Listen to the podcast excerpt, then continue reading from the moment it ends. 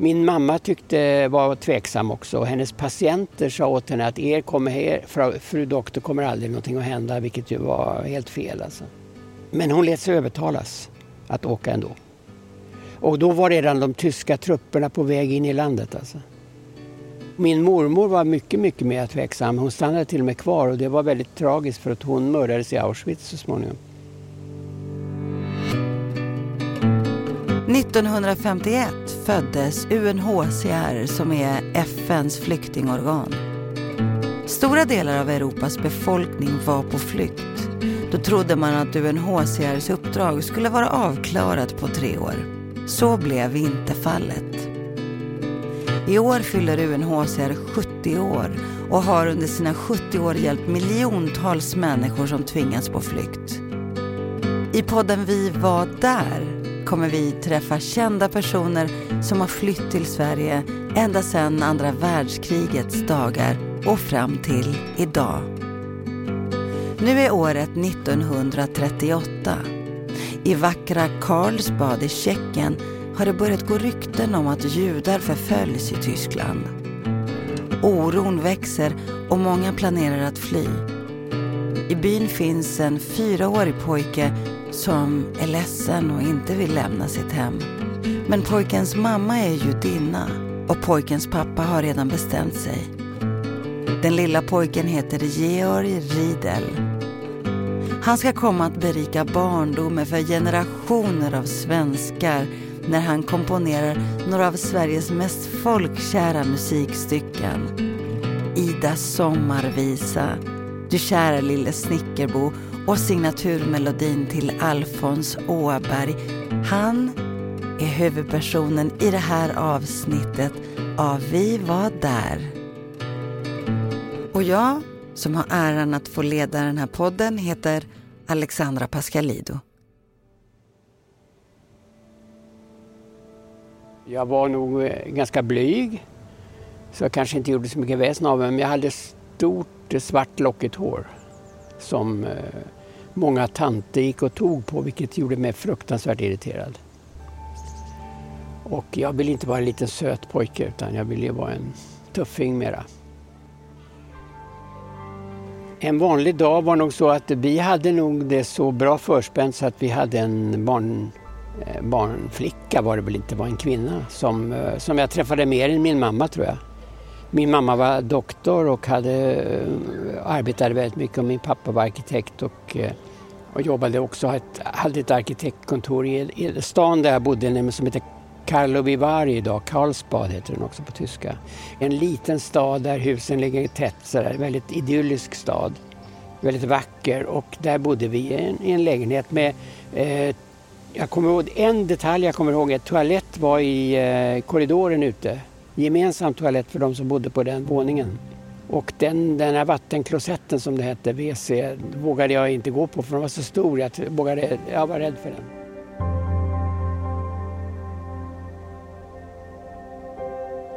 Min pappa var politiskt väldigt engagerad på vänsterhållet. Och eh, han förstod att eh, situationen i Tyskland under nazisterna var, var mycket farlig. Det var inte så många som förstod det och ville varför inte ta in det. Men han gjorde det. Så han eh, såg till att han fick ett arbete i Sverige eh, som arkitekt. Så han åkte till Sverige några månader före oss och eh, etablerade sig som arkitekt i Sverige. Och sen kom vi efter. Och det beror nog mycket på att han förstod hur farligt det var så att vi gav oss iväg.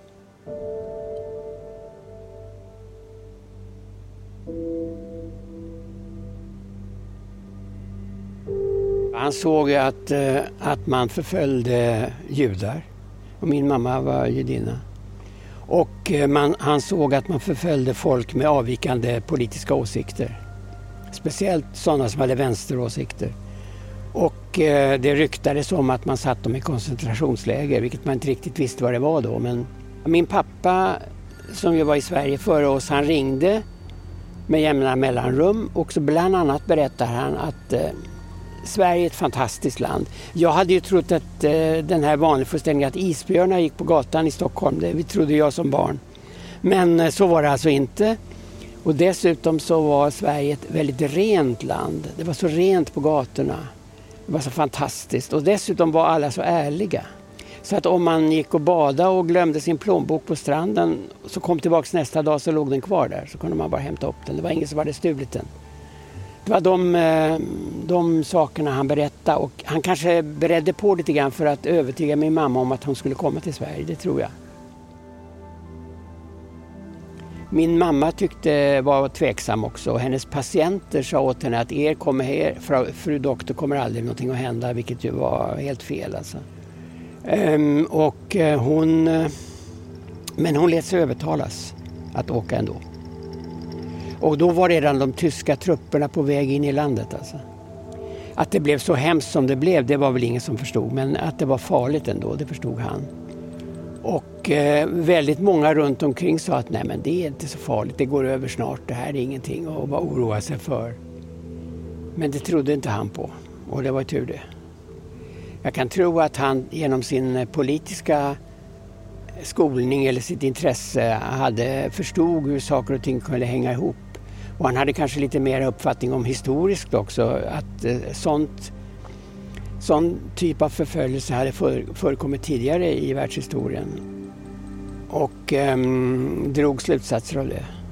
Så kan jag tänka mig. Och min mormor var mycket, mycket mer tveksam. Hon stannade till och med kvar och det var väldigt tragiskt för att hon mördades i Auschwitz så småningom. För hon eh, tyckte att hon var för gammal, hon trodde inte riktigt på det här.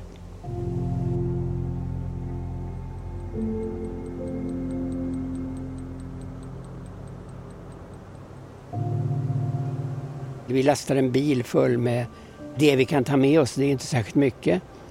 Och eh, jag vill absolut inte åka hemifrån. För att eh, jag förstår inte alls hur farligt det här är och tycker det är fullkomligt meningslöst. Och sen åker jag i alla fall med min mamma, det är bara min mamma, min syster och jag som åker. Och eh, vi åker genom det här landskapet och då får vi höra på vägen att tyska trupper marscherar på just den vägen vi åker på och då väljer vi, väljer vi en annan väg. Vem som kör bilen har jag ingen uppfattning om. Det, det kanske inte jag tänker på ens eller märker.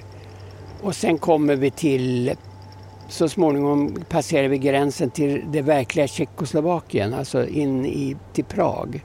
Där, där är fortfarande inte någon, någon ockupation. Och eh, då så ska vi åka med, åka med tåg och ska på och jag är väldigt ledsen att jag ska behöva lämna allting som jag är van vid. Och när jag kommer in i sovvagnen så är det en sån här sovvagn med tre britsar på varandra och en stege som man kan springa upp och ner på. Och den upptäcker jag ganska snart och jag, upp, jag springer upp och ner, jag springer upp och ner för den här stegen och glömmer alla de andra ledsamheterna som att jag måste lämna hemmet och så vidare. Och tycker det här är väldigt spännande och glömmer bort allting. Så snabbt kan man ändra sig när man är tre fyra år.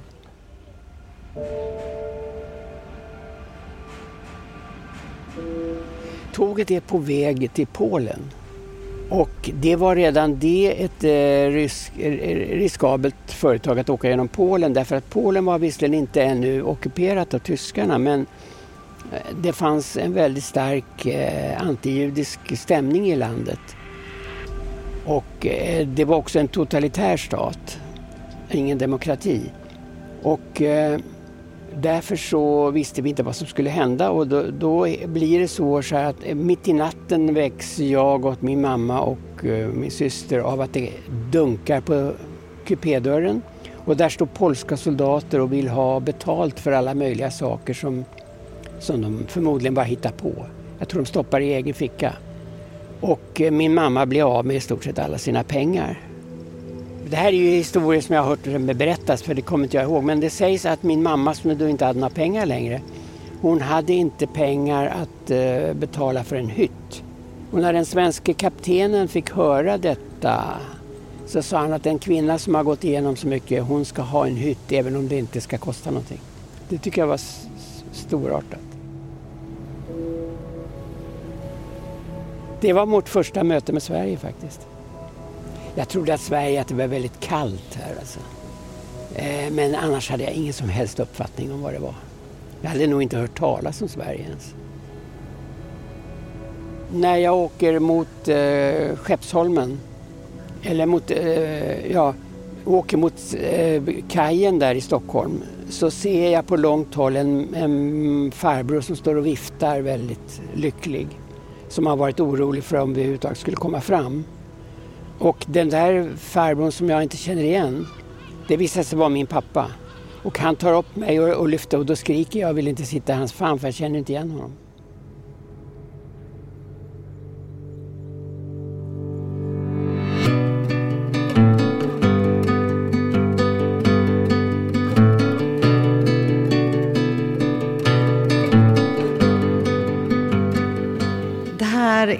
Podden Vi var där och jag heter Alexandra Pascalido och idag har jag den stora äran att få presentera Georg Riedel. Alltså vilken glädje för mig att få träffa dig. Det stora musikaliska geniet. Ja, det är att överdriva tycker jag. Något Det- stort musikaliskt geni, det ska mycket till. Nej men kom igen! Alltså på riktigt. Jag menar, vad ska jag säga? Ida sommarvisa. Ja, Det är ju nästan som en nationalhymn. Som, eller hur? ja då kan berätta att när jag, när, jag, när jag skrev den så tänkte jag att den här är så banal så den kan man inte presentera för någon. Men eh, jag blev övertalad att göra det ändå. Helt otroligt. Men jag tänker också, du, du kära lilla Snickerbo. Alltså du har gjort så mycket fantastisk musik. Väldigt mycket har du klätt Astrid Lindgrens värld. Ja, det, det, det är sant. Det kan jag inte förneka. Men, Det är jag väldigt tacksam för att jag fick göra. Ja, och det är vi också tacksamma för. Men jag tänker att vi ska ta dig tillbaka till hur allting började. Mm. Men du, berätta, du föddes 1934 i dåvarande Tjeckoslovakien. Ja, det stämmer. Vi bodde i ett område som på den tiden hette Sudettyskland. Och där var många av invånarna tysktalande. Och vi som var av, eh, delvis i alla fall, av ju- judiskt ursprung talade också tyska ofta.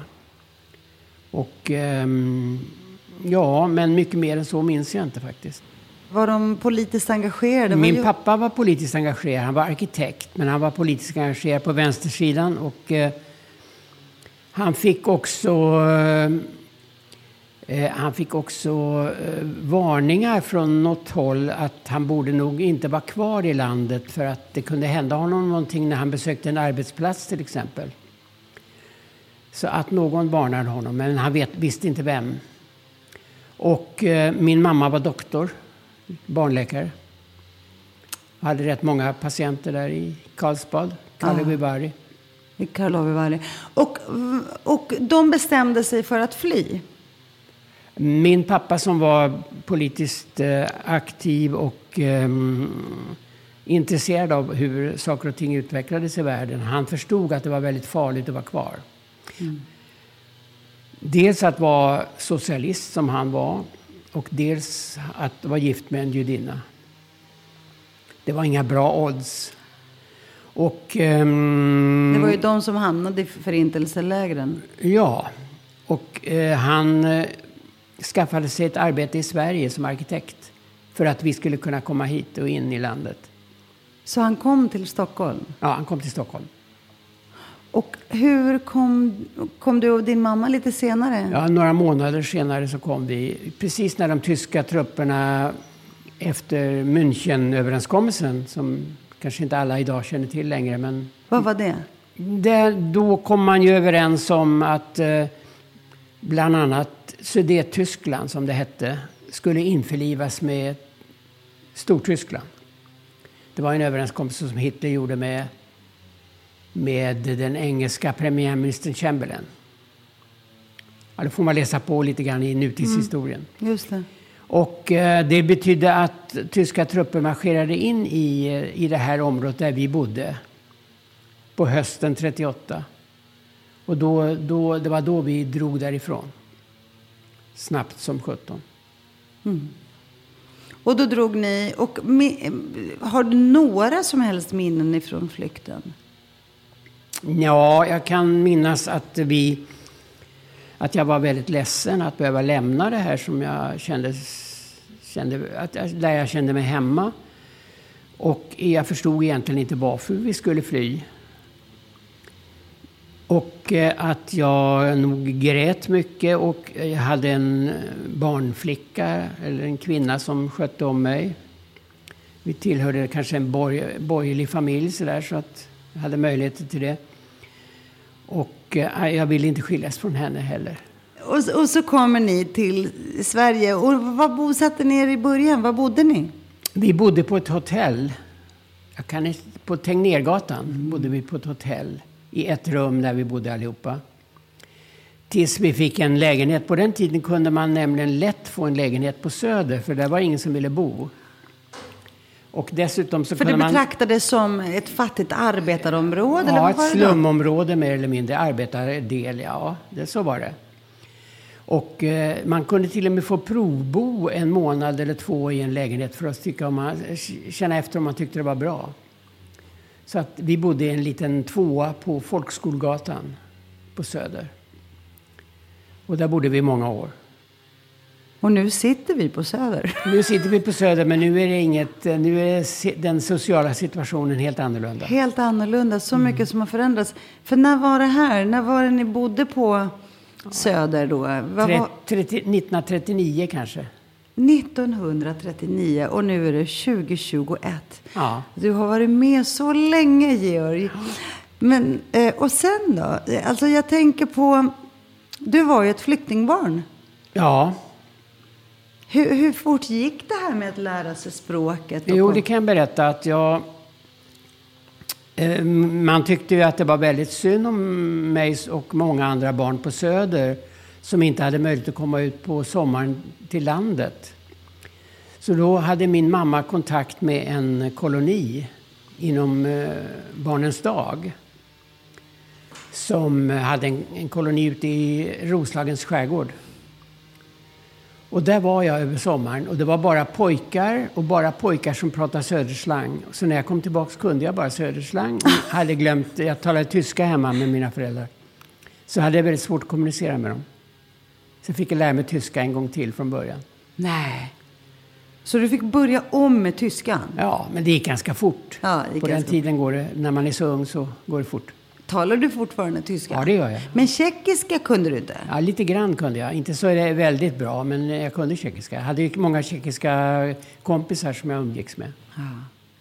Och din identitet då? Hur, hur, hur, tror, vad känner du dig som egentligen? Eller om vi tittar tillbaka till den tiden. Kände du dig som ett barn från Tjeckien, som en invandrare, som flykting? Jag hade nog ingen sån bestämd uppfattning om det. Utan jag lärde mig svenska väldigt snabbt. Och um, sen gick jag i, i vanlig skola, vanlig folkskola. Och ehm, så småningom så kom någon, min, min dåvarande lärarinna, som var, hon kom underfund med att jag nog måste vara musikalisk. För hon tyckte jag sjöng vackert. Så att jag fick prova in till någonting som hette Adolf Fredriks musikklasser. Ja. Och där gick jag sen i alla år. Och jag tror att jag identifierar mig mest med eh, musiken. Du blev ett med musiken? Ja. ja. För det blev också ditt uttryck? Ja, väl, nej, jag hade nog många andra uttryck också. Mina föräldrar ville absolut inte att jag skulle hålla på med musik. De ville att jag skulle bli, eh, få ett, ett anständigt vanligt arbete som man kunde försörja sig på. Men vad var ett anständigt... Ja, min mamma tyckte jag kunde bli doktor och min pappa tyckte att jag... Ja, lite oklart vad han tyckte egentligen. Ja, men förmodligen någon typ av forskare, akademiker, eller hur? Ja, ja absolut. Akademiker, ja. Så att musiken tyckte de var lite för... Ja, det, det var ju dels oklart om man kunde försörja sig på det. Ändå värre blev det när jag började intressera mig för jazzmusik. Det var ju, det, det var ju ganska Smal genre, eller? Nej, det var det inte. Det var en bred genre på den tiden. Men däremot så var det väl en, en ganska skum, ett skumt område att leva i. Alltså det kunde medföra diverse faror. Alltså, mm. Till exempel man kunde börja dricka alkohol och sådana saker. Men du valde ju rätt väg eftersom du blev så otroligt framgångsrik, Georg, i ditt... Eh, ja. ja, men verkligen. Men det var ju rena turen, tror jag. Ja. Nej, det vete sjutton. Alltså, du är nog lite för ödmjuk tror jag. Men jag vill fråga dig. Eh, när du hör ordet flykting idag, vad tänker du på då? Jag tänker att situationen för de som kommer hit till Sverige och speciellt ensamstående barn är ganska lika dem som vi möttes av, nämligen misstro om, eh, om, och eh, främlingskap och eh, att folk eh, kände sig mm, osäkra när det gällde att möta människor vars kultur de inte riktigt kände till och så vidare. Och att det var, det, man trodde det var större skillnad mellan människor än vad det egentligen är. Det, likheterna är nog mycket större än, än skillnaderna. Mm. Men, men mötte du den typen av främlingskap också på den tiden? Alltså jag mötte den inte så mycket. Mina föräldrar mötte den nog mycket mer. Min mamma som var doktor, hon ville ju gärna arbeta, men det fick hon inte under hela kriget som läkare, utan fick ta väldigt okvalificerade jobb. Därför att hon fick, eh, ja, man, det var en väldigt stark misstro mot eh, in, invandrande eller flyktingar, läkare som var flyktingar. De skulle ta jobben ifrån de svenska läkarna. Även om de var väldigt få som kom. Och säkert väldigt kvalificerade. Bidrog det till saken att hon dessutom var judinna? Det bidrog säkert också till saken, ja. Det gjorde det. Hur, hur, eh, central och hur viktig har din judiska identitet varit för dig? Den har varit eh, från början inte särskilt viktig. Men på äldre dagar har den blivit mer och mer viktig faktiskt. På vilket sätt då? Eh, ja, jag har börjat på att intressera mig för eh, att skriva musik som har judisk anknytning. Jag har varit, i år varit med i ett stort jiddisch-seminarium. Det är så vacker musik. Den är så levande, så vital på något ja, sätt. Ja, den är vital. Fast sorgsen också. Mm, en melankolisk ja. bas, ett vemod, eller? Ja, vi har, jag har varit med på ett jiddisch-seminarium där man bland annat har översatt en av de mera kända barnvisorna som jag har gjort, nämligen Lille katt till jiddisch. Och det blir väldigt fint. Lille katt på jiddisch? Ja. Alltså hur gulligt är det? Hur låter det då? Eller ja, jag kan ju inte jiddisch. Jag vet inte. Katzele heter det i alla fall. Det är ett diminutiv av katt. Ja, just det. Mm. Så du kan inte jiddisch? Inte Nej, inte ett ord. Nej, jo, några ord kan jag ja. som ingår. Men det kan man ju till exempel om man bor i USA kan man ju också en del jiddisch-uttryck som Precis. ingår i språket. Men vad tror du att det handlar om det här utforskandet? Senkomna, det senkomna utforskandet av den judiska identiteten? Ja, utforskandet av identitet och bakgrund och så vidare. Och jag har en dotter som är, eller alla döttrar kan man säga, är väldigt intresserade av detta. Och en som är speciellt intresserad av, av detta och ganska engagerad i olika judiska sammanhang. Fantastiskt. Som är poet och som skriver mycket som, om de här ämnena. Underbart ju. Va? Ja. Så det har ju liksom präglat både ditt liv men också dina barns liv. Ja, det har det gjort. Flykten undan det här kriget och de här förföljelserna. Ja, och nazismen. Det, det, är klart att det har präglat mycket. Och speciellt under kriget så visste ingen av oss om hur det skulle bli om Sverige skulle bli ockuperat eller inte. Och det var ju en ständig skräck. Men eh, jag kan beskriva att mina föräldrar hade hem, eh, utsett ett, eh, ett ställe i Härjedalen där vi skulle kunna gömma oss. Vilket säkert var fullkomligt meningslöst. Det hade inte hjälpt ett dugg, tror jag. Men, men så var det i alla fall. Jag och min syster skulle kunna gömma oss där. Och ja, så det där förstod inte jag riktigt. Men, men det är klart att det var... Det blandades med en skräck, alltså, mm. den tanken.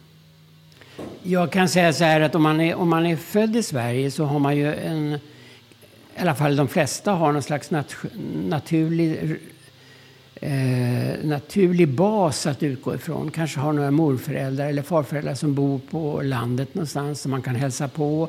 Och man kanske är uppväxt där också. Eh, det har ju inte jag haft.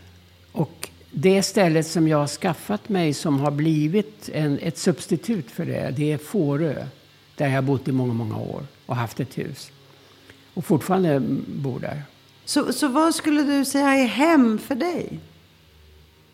Vad är Jag vet inte om jag har något riktigt hem. Tveksamt om jag har det. Har du någon gång varit tillbaka i Tjeckoslovakien? Ja, det har jag varit flera gånger Ja. på senare tid. Ja. Och hur kändes det? Ja, jag känner mig jag känner igen det lite grann, men jag känner mig inte naturlig hemvist där. Det gör jag inte. Det här med att lämna ett land och tvingas lämna, tvingas fly. Eh, det handlar ju också väldigt ofta om att längtan och saknad. Fanns det någon människa som du saknade? Alltså, jag hade ju sån tur så att min familj kom ju med. Så att min mormor blev ju tyvärr kvar. Henne har jag väldigt svaga minnen av. Jag har mest fått berättat om. Men hon eh, förstod inte faran med att vara kvar. Så att hon flydde sedan till Prag, som då ännu inte var ockuperat. Och sen kom ju tyskarna och ockuperade även Tjeckien. Och då gömdes hon av en, en modig tjeckisk kvinna som riskerade sitt liv genom att göra det faktiskt. Men en gång så gick hon, kunde, stod hon inte ut, gick hon ut på stan och så blev hon påkörd av en bil och hamnade på sjukhus och därför så arresterades hon och blev skickad till Auschwitz. Helt otroligt. Ja, Hon blev påkörd av en bil, hamnade ja på sjukhus. olycka, en olycka. En olycka Där blev hon hände. avslöjad Ja, där blev hon avslöjad. Att hon och var skickades judinna. till Auschwitz. Så din mormor var där. Hur länge var hon där? Vad vet Ja, du? hon, hon mördade. Ja, det vet vi inte. Det vet vi inte. Det finns inga uppgifter om det. Nej, jag tänker att det är många flyktingar som, som lämnade och ändå hade med sig en nyckel hem. Hade din, vad hade din familj med sig hem? Till, hem säger vad, vad hade din familj med sig till Sverige? Det nästan ingenting. Några möbler som är fullkomligt omöjliga att använda idag. Varför det? Vad är det för möbler? Ja, det är stora skåp, lösa skåp som bara står i vägen alltså. Och sådär. Eh, men annars tror jag inte... Och hur, har de, hur de kom till Sverige fattar inte jag. Det vet jag inte. Jag tänker, du har också skrivit så mycket barnvisor som vi alla sjunger och som... Jag tänker också att det är väldigt mycket flyktingbarn runt om i världen. Ja, det är, det är svårt att sätta sig in i hur förfärligt situationen är för många. Om man tänker på hur det just nu har blivit i Afghanistan och så vidare. Det, ja, jag kan inte sätta mig in i hur, hur det är. Och vilka uppoffringar människor gör för att få överleva och få sina barn att överleva. Och eh, med vilken misstro de möts i de flesta länder. Det är hemskt. Ja. Hur skulle du vilja säga att den här upplevelsen, erfarenheten av att ha flytt har präglat dig eller påverkat dig? Ja... Jag hoppas att det har påverkat mig så att jag är tolerant mot, eh, mot människor som flyr och vill komma hit. Och inte eh, faller in i någon slags eh, främlingsskräck. Det hoppas jag att jag kan motverka. Men eh, det kan jag inte garantera att jag... Ja, ja, jag vill hoppas det i alla fall. Mm. Vad skulle du vilja säga till människor som är rädda eller som är... Ja, jag säger rädda, det låter lite snällare än att säga att de är rasistiska. Men, men eh, de, de som fruktar för människor på flykt, som har tvingats lämna allt, vad, vad kan man säga till dem? Ja, jag tror ett sätt är ju att lära känna människor som, som är på flykt. Och komma underfund med att de är människor med, ja, att vi är ganska lika alla människor. Och vi har kanske samma problem fast i olika hög grad. I Sverige har man inte så stora problem. Men, Ehm, annars kan jag naturligtvis förstå att man är rädd för det okända. Det kan jag väl i viss mån förstå. Och jag försöker hela tiden lära mig själv att inte vara fördomsfull. Hur gör du då? Jag lyssnar på mina döttrar. Åh, vad bra. De säger De har, till mycket, de, de har mycket, mycket sundare inställning än vad jag har. Jag vill tacka dig så hemskt mycket. Dels för den kultur, de, de avtryck du har gjort. Outplånliga avtryck du har gjort i svensk kultur. Och Tack. i alla våra hjärtan, alla vi som har varit barn. Och det är rätt många som har varit barn. Alla. Tack så hemskt mycket till er alla för att ni lyssnade. År fyller UNHCR 70 år. I 70 år har UNHCR funnits på plats och räddat liv på människor som har tvingats lämna allt bakom sig. I 70 år har UNHCR sett till att människor på flykt ska få komma till en trygg plats som de kan kalla för hem. UNHCR var där under alla årtionden och de är fortfarande där. Tack för att du har lyssnat på podden Vi var där. Jag heter Alexandra Pascalido och vill du hjälpa människor på flykt? Googla bara Sverige för UNHCR och så får du gärna sprida och dela den här podden om du tycker om den. Don't you know that